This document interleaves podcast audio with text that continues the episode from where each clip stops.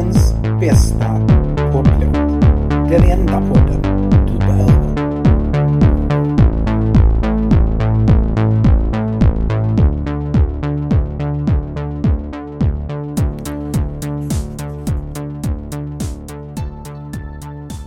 Nu får ni vara snälla mot mig, för jag, Nils Karlsson, har problem. Vi har kommit till 1982 i vårt sökande efter svaret på frågan om vilket som är bäst, synt eller hårdrock. Och det står förvånansvärt nog 2-0 till synten. Vi jämför bästa hårdrockslåten och bästa syntlåten varje år och den som är bäst får poängen. Och eftersom det handlar om 80-talet så använder vi oss av tidskriften Okejs definitioner av synt och hårdrock. Det betyder att de hårt gitarriffande rockpojkarna i Duran Duran är synt och att det här är hårdrock.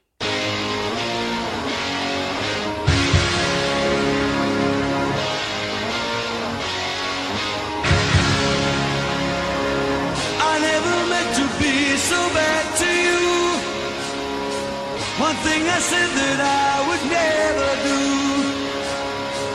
A look from you and I would fall from grace. And that would wipe the smile right from my face.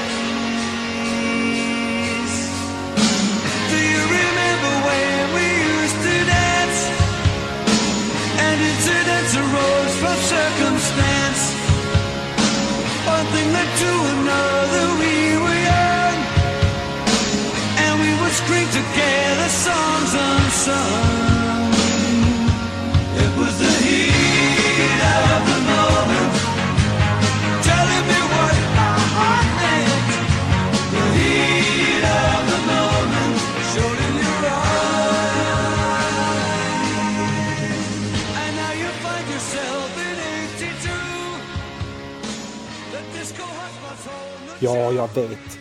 Asia är inte hårdrock. Det är powerpop i femtakt. Strunt i det. Mitt problem är att 1982 är ett fantastiskt år för hårdrocken.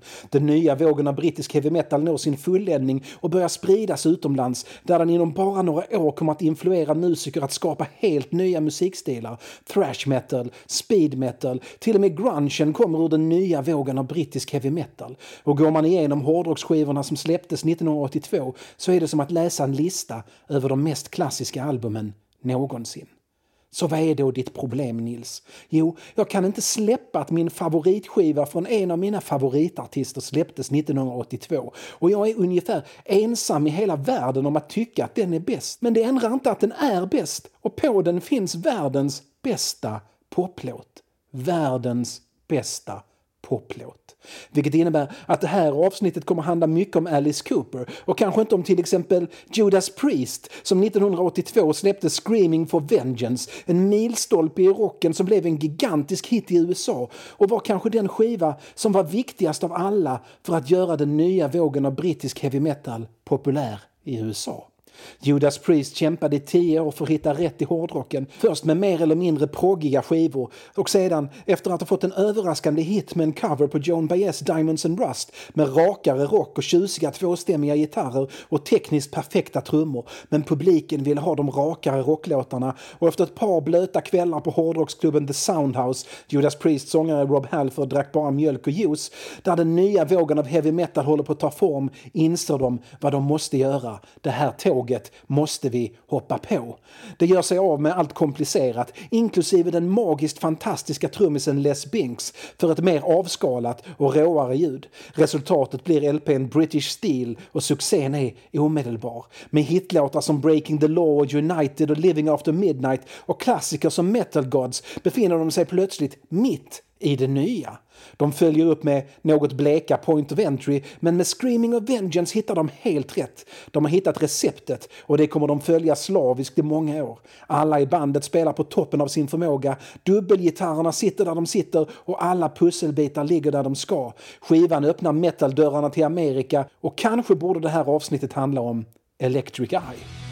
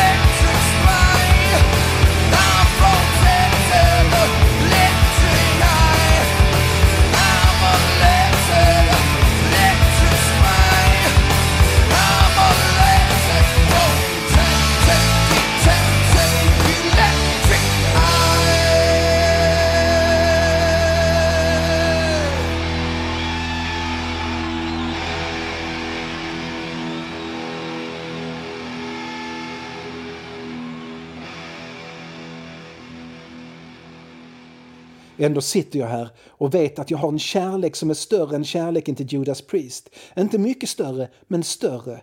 Kärleken till Alice Coopers minst populära skiva, mästerverket Zipper Catches Skin. Jag kan inte släppa det och kärleken är besvarad. Hela albumet talar till mig som om det skrevs just för mig. 1975 lämnar Alice Cooper bandet Alice Cooper efter att ha bytt sitt juridiska namn till Alice Cooper för att kunna fortsätta uppträda som Alice Cooper. Jag kan tycka det är fusk. Det är lite som om Ringo Starr 1970 hade bytt namn till The Beatles och fortsatt uppträda som det. Alice Cooper som soloartist är långt ifrån lika innovativ och farlig som Alice Cooper som band. Han är fortsatt en briljant textförfattare och han har ett bra öra för melodier och vet hur han bäst använder sin röst. Men i bandet Alice Cooper är allt uppfinningsrikt och spännande och oväntat. Alice Cooper var fem genier och Cooper var bara ett av dem. Han har vett att omge sig med andra genier dock. Hans första soloskiva, Welcome to my nightmare, blir en enorm succé och den efterföljande väldigt teatrala turnén blir Alice Coopers mest framgångsrika någonsin. Kritiker och en del gamla fans anmärker på att även om de nya låtarna är bra, Alice skriver dem tillsammans med producenten Bob Esrin och gitarristen Dick Wagner, så är de långt ifrån så kreativa som det Alice gjorde i bandet. Och så är de dränkta i Bob Esrins symfoniorkestrar och stråkarrangemang och framstår som extremt tillrättalagda. Alice börjar få hittar med ballader istället för rocklåtar. Han säljer massvis med skivor och biljetter men tycks ha tappat någonting. Han super också ner sig bortom all kontroll. Utan bandet som bromsar honom tappar han kontrollen men förlorar märkligt nog inte förmågan att skriva sångtexter. Han rör sig främst i texter med skräcktema. Det är psykopater, giftiga spindlar som vill ta över världen, personlighetsklyvning, djävulen själv, disco som metafor för helvetet och hela tiden med glimten i ögat. Ofarlig skräck. Fyndiga texter och välproducerat. Ovanligt personlig blir han i I Never Cry från Alice Cooper Goes to Hell från 1976. Den sista låten på topp 10 han kommer ha på 13 år, även om You and Me från Lace and Whiskey året efter också blir en hit. Men Alice är vilse. När han sjunger You and Me på The Muppet Show inser till och med hans mest hängivna fans att glöden är borta. Alice Cooper, föräldrarnas skräck, är mer mainstream än Tom Jones.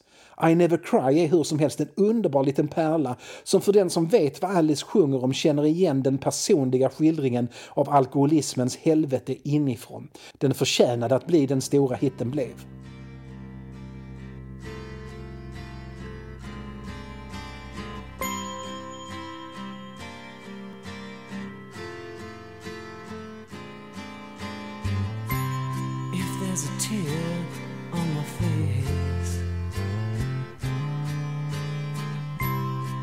Makes me shiver to the bone. It shakes me, babe. Just a heartache that got caught in my eye, and you know I never cry. I never cry. Sometimes I drink more than I need. Until the TV's dead and gone. I may be lonely, but I'm never alone. And the night may pass me by, but I never cry.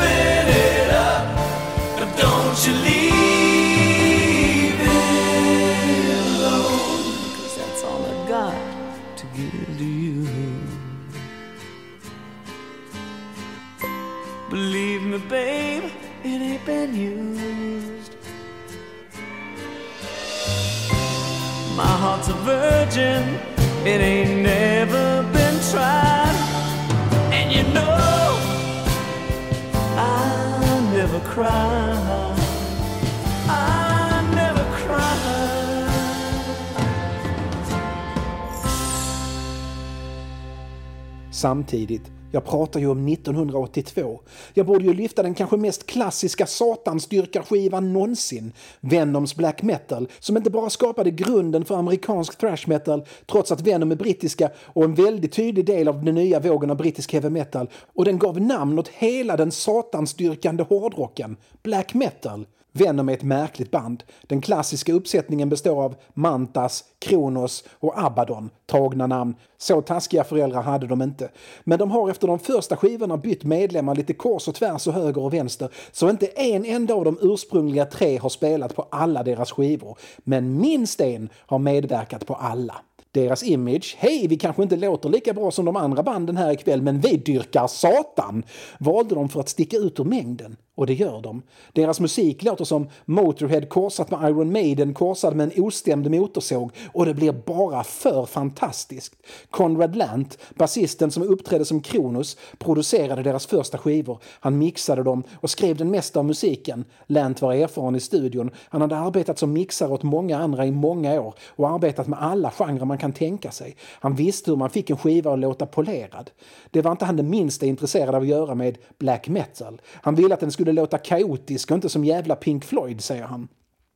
De får inte mycket tid i studion, sju dagar. Det är ändå fyra fler än de hade när de spelade in sin debutskiva Welcome to Hell. Så de gör en bibel och spelar in allt på sex dagar och så får två av dem vila på den sjunde dagen medan Lant mixar skivan.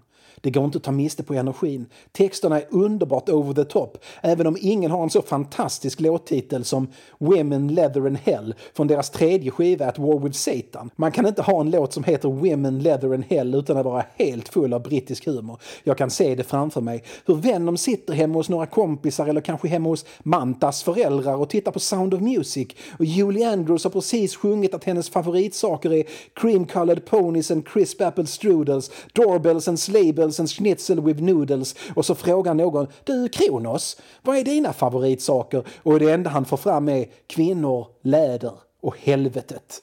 Black metals inflytande var som sagt enormt och överallt på skivan finns små snuttar man fattar har inspirerat andra ordentligt. Det finns melodier och riff som dyker upp hos artister så vitt skilda som Nirvana som till vår egen Robin. Apropå Nirvana, här är Venom med Countess Bathory från Black metal.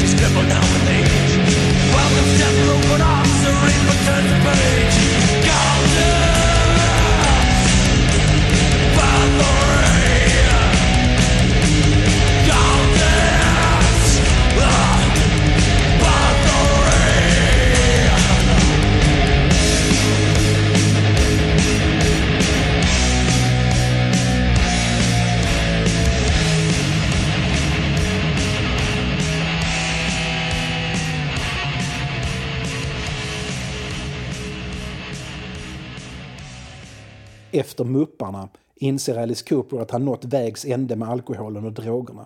Hans närmsta vänner har antingen slutat prata med honom, hans bästa kompisar när han växte upp var de andra i bandet Alice Cooper och de gillade inte att han stack och fortsatte bygga sin karriär på det varumärke de byggt upp tillsammans.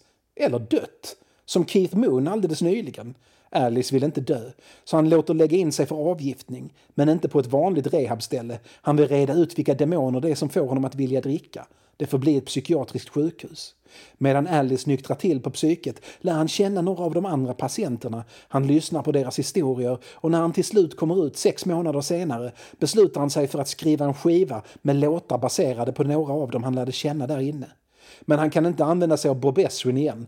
Dels är Esrin upptagen med att spela in Pink Floyds The Wall och att medla mellan Pink Floyds Roger Waters och Pink Floyds David Gilmour och dels använder Bob Esrin jättemycket kokain och Cooper vill omge sig med nykterhet. Det får bli David Foster istället.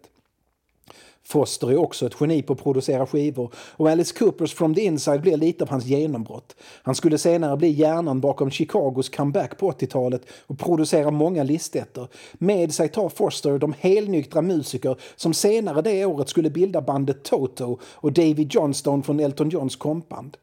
From the Inside har många bra låtar och Alice låter verkligen på nyttfödd på den. Texterna är nästan bättre än någonsin och han beskriver sina medpatienter med både kärlek och humor. Och visst, den har en slick produktion och låter väldigt radiotillvänd men borta är Esrens ibland överdådiga stråkarrangemang och tusen pålägg. Skivan blir ingen framgång trots att den innehåller en av Coopers bästa låtar, Serious, som handlar om spelberoende. Turnén blir en framgång dock, i alla fall i Europa. Och i Europa upptäcker Alice att musiken liksom rört sig de senaste åren. Han upptäcker punk, han upptäcker new wave.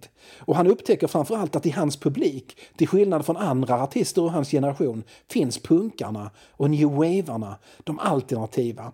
När John Lydon auditionade för giget som sångare i Sex Pistols gjorde han det med bandet Alice Coopers 18. Cooper var respekterad i den europeiska punkrörelsen. Men Cooper förstod att tåget för bombastisk och teatral musikalrock med symfoniorkestrar var förbi.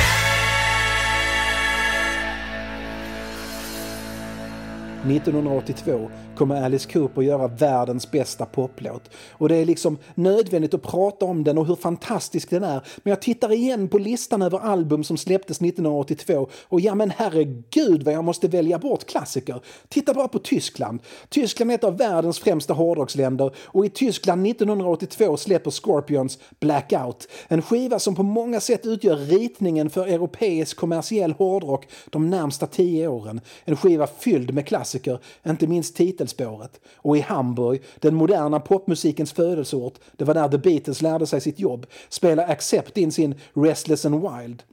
Accept leddes av gitarristen Wolf Hoffman och frontades av mannen med det tyskaste av tyska namn, Udo Dirkschneider. Han har också en väldigt speciell eh, sångröst. Accept var i den lite besvärliga situationen att de behövde följa upp ett mycket framgångsrikt album, Breaker, och att deras ena gitarrist plötsligt slutade precis när de skulle spela in skivan. De var tvungna att behålla publiken. Hur göra det? Genom att gå på knock direkt och inleda skivan med den totala och uppsnabbade sammanfattningen av allt som gjorde Breaker framgångsrikt och samtidigt krydda skivan med de där nya grejerna som hade kommit från Storbritannien. Skivan inleds med banbrytande Fast as a Shark. 1982 hade ingen hört något så snabbt. Det vi hör är speed metal, thrash metal och power metal innan de genrerna ens var påtänkta. Det är en av hårdrockens mest inflytelserika låtar och den gör Accept till ett band man egentligen är helt dum i huvudet om man inte föredrar framför Alice Cooper 1982. Fast as a Shark inleds med en barnvisa som bandet först i efterhand insåg förknippades starkt med diverse jugendorganisationer från en tidsperiod i Tysklands historia man liksom inte pratade om alls. Tanken var inte att väcka nazistassociationer utan bara att kontrastera den med den hårda rocken som något vänt. Accept är ett politiskt band. Det kommer märkas på nästa skiva, Balls to the Wall. Men deras politik är sådan som nazisterna hade skjutit dem för om de blivit påkomna. Fast as a Shark är oemotståndlig. Är den möjligen världens bästa poplåt?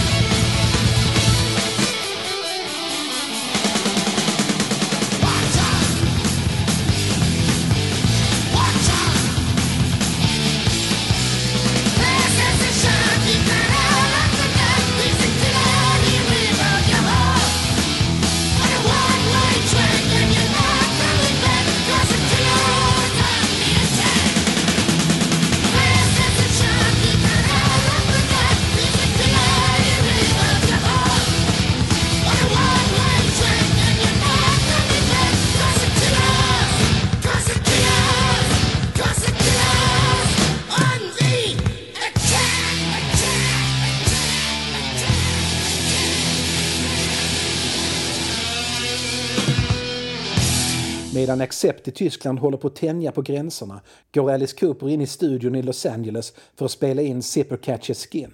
Den bygger vidare på idéer han fick i Europa 1978 och som presenterades för lyssnarna 1980. Flush the Fashion är väldigt mycket 1980. Det framgår tydligt redan på omslaget där det står Alice Cooper 80, årtalet direkt på framsidan. Ett medvetet steg för att visa att det här är inte gamla stråk och pampighets-Alice utan en ny, modern Alice. Låtarna handlar på olika sätt om att byta roller, om att bli någon annan, att rent av klona sig ibland. Produktionen är helt olik de andra skivorna Alice gjort. Här är det kort och koncist som gäller. För att låta modern väljer Cooper Roy Thomas Baker till producent. Han var då kanske mest känd för mannen bakom The Cars ljud, men han jobbade med ungefär alla new wave-band i USA som fanns. Syntar och trummaskiner tar plats bredvid de mer traditionella rockinstrumenten och Alice, som upptäckte att kokain trots allt är ett bra och nyttigt alternativ till alkoholen, är på strålande humör. Han är mer inblandad i arrangemangen än han varit på flera år och musikerna har roligt tillsammans. Varenda låt är som en juvel av ren musikalisk glädje. Man hör hur roligt de har när de spelar in den. Även om skivan låter modernt så är det ändå något med hur avskalad den är som får den att vara en aning provocerande. På ett bra sätt. Alice låter egentligen för första gången sedan han lämnade sitt band farlig igen.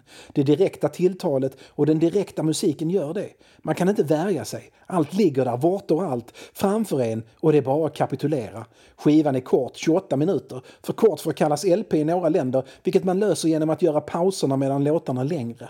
För Alice är inspirerad av punken. Det ska vara kort och inga kompromisser. Bästa låten på Flash the Fashion är Leather Boots. Mycket läder i det här avsnittet. Är också den kortaste. Dryga 1.30 är den, men den innehåller mer Alice per sekund än de utspädda längre låtarna från Goes to Hell eller Lace and Whiskey. Det är berättelsen om en ung man som knappt vågar göra någonting för att han är rädd för att bli misshandlad av stora starka poliser som när som helst kan sparka in hans dörr med sina läderstövlar. En dag när han räddhågset går en promenad ser han en polis ligga skjuten och ruttnande på gatan. Så han tar den döda polisens läderstövlar och när han dragit på sig dem så känner han sig stor och stark och inte alls längre rädd för den verkliga världen. Efter ett mycket kort gitarrsolo ger sig sedan den unge mannen ut i natten för att sparka den som begår brott. Små brott. Han vågar inte ge sig på förhärdade skurkar. Som till exempel felparkering eller nedskräpning. Sparka dem i huvudet med de nya fina läderstövlarna. Som man gör när man likplundrat döda poliser. Let the boots pound on the floor, but let the the door. The police hit the streets, they never take the boots off their feet. If I break the law and get caught, I could get smashed in the face by the big boys, cause they're frightened by the real world. Frightened by the real world. Scared of the real world, oh yeah. I saw a cop, he looked pretty short, but some criminals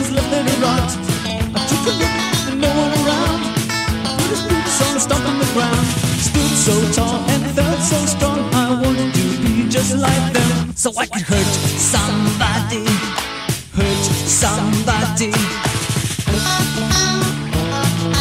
Hurt somebody. Hurt somebody. Scared of the real world,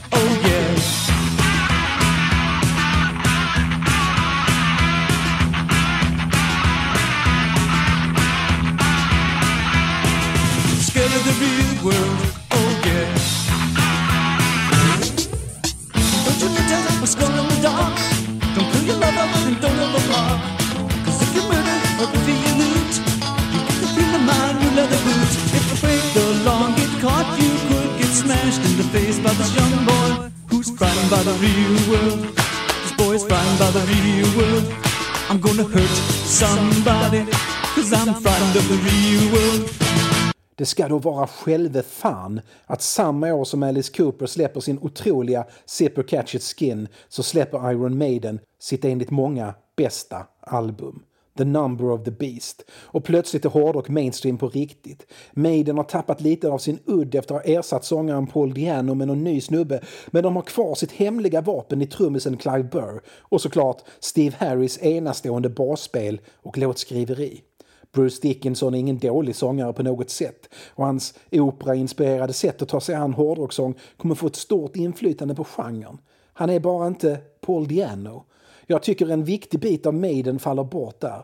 Men jag har bara respekt för den som inte håller med mig, även om den har fel. The Number of the Beast är bra från början till slut och det går inte en konsert sedan den släpptes där de inte spelar i alla fall titellåten och Run to the Hills. Skivan är en klassiker i ordets rätta bemärkelse och många håller den som den nya vågen av brittisk heavy metals höjdpunkt.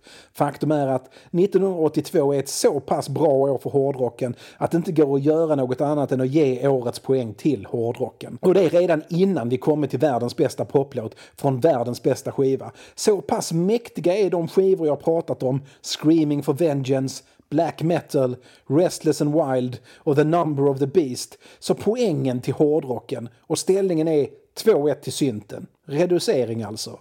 Run to the hills! Take it away Clive Burr.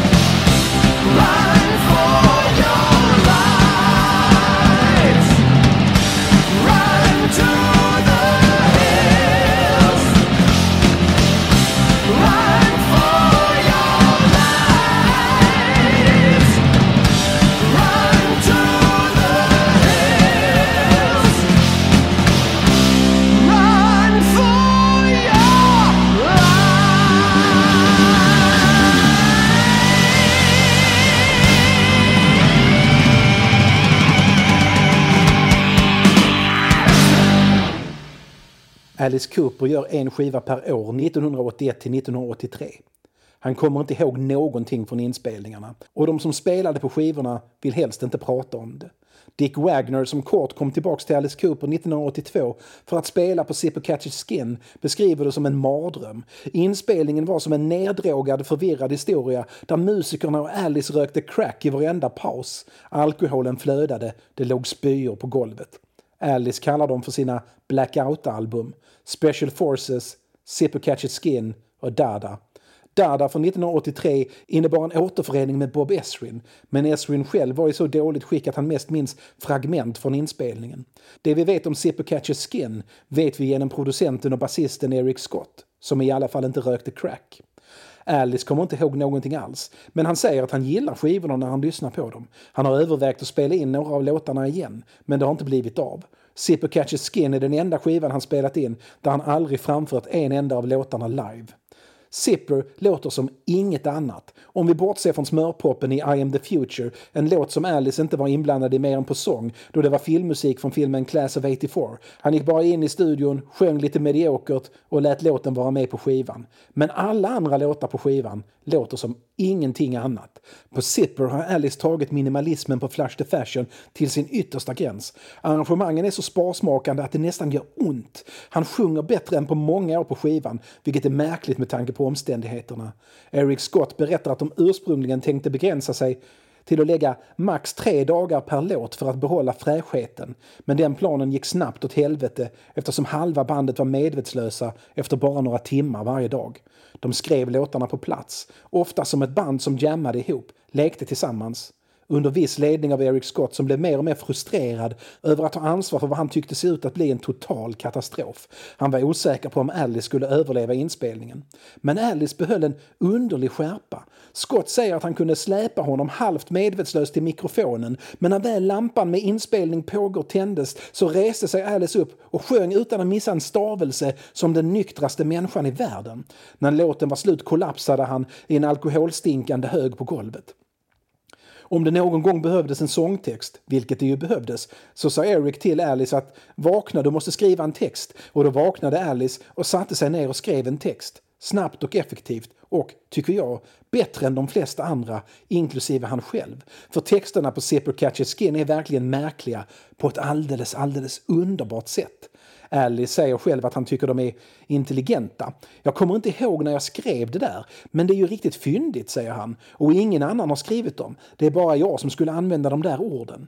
Det finns ingen röd tråd i texterna, ingen sammanhållen berättelse och det är splittrat, det får jag medge. Vi inleder med en låt om ryttare och värjhjälten Zorros död. För varför inte liksom? Sedan en visa om Scrooge från Dickens En julsagas uppväxt. En låt om att det vore hygglo om inte rymdvarelserna från Spielbergs E.T. äter upp oss. Något som tydligen Alice läst mellan raderna att de tänkte göra. Andra sidan är ren perfektion och de två sista låtarna är de bästa. Den sista har det bästa rocklåtsnamnet någonsin. Om vi för ett ögonblick låtsas som att Women, Leather and Hell inte existerar i I'm alive, that was the day my dead pet returned to save my life som handlar om den där dagen Alice Coopers olika döda husdjur återvände från de döda för att rädda hans liv. Och den näst sista låten är världens bästa poplåt. I better be good. Det är den mest provocerande minimalistiska av alla Alice Coopers provocerande minimalistiska låtar. Arrangemanget är vansinnigt och kören är omöjlig att inte le åt. Lekfullheten smittar. Dick Wagner han lägga en lekfull solgitarr innan han lämnade inspelningarna på grund av att de var vansinniga. Det blir ett call and response med kören som lyfter till kosmiska proportioner. Alice har också ett mycket viktigt budskap. Det är bäst att stoppa in den innan man drar upp gylfen. Mycket viktigt budskap. Jag förstår inte riktigt vem som skulle behöva höra det, men om låten så mycket som räddat en enda snopp där ute så är den värd att lyssna på. Kanske gång på gång på gång. I better the good är, jag känner ingen tvekan längre, bara hängiven övertygelse, den bästa hårdrockslåten som kom 1982. För det kan inte bli bättre än så här. Alice Cooper skulle bli helnykter och göra en mindre comeback 1986 med albumet Constrictor. Kanske för oss i Sverige mest känd för att den innehöll syntpop-hitten He's back, the man behind the mask som gav oss en liten smak av de där förbjudna filmerna om fredagen den 13. Och sedan, 1989, skulle han ytterligare en gång toppa topplistorna med LPn Trash och den oemotståndliga singeln Poison. Där vann han en ny generation beundrare, men han tappade mig. För när Alice så tydligt siktar mot the toppermost of the poppermost så saknar jag tiden kring Zipper Catches Skin där han helt enkelt inte gav ett endaste fuck om någonting. När han vågade sticka ut, vara provocerande och kommersiellt helt omöjlig. När han inte lyssnade på sina egna råd i I better be good.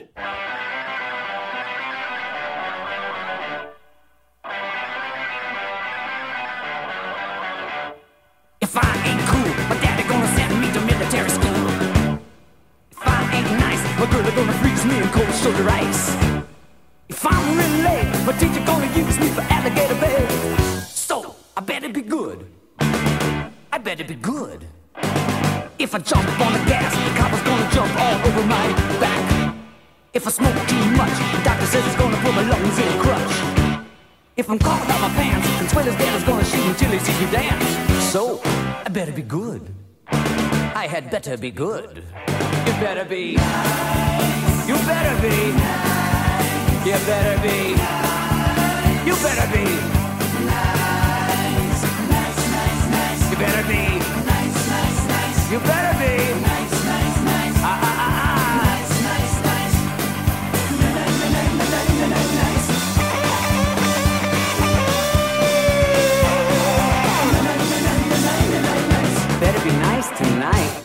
If I spray it on the seat, lady gonna tie a big knot in the meat. If I speed too fast, lover gonna stick my wrangler in a cast. If zipper grabs skin, I know I had it out when I should have kicked it in. Ow! I better be good. I better be good. I better be good. Oh. Better be. You better be. You better be.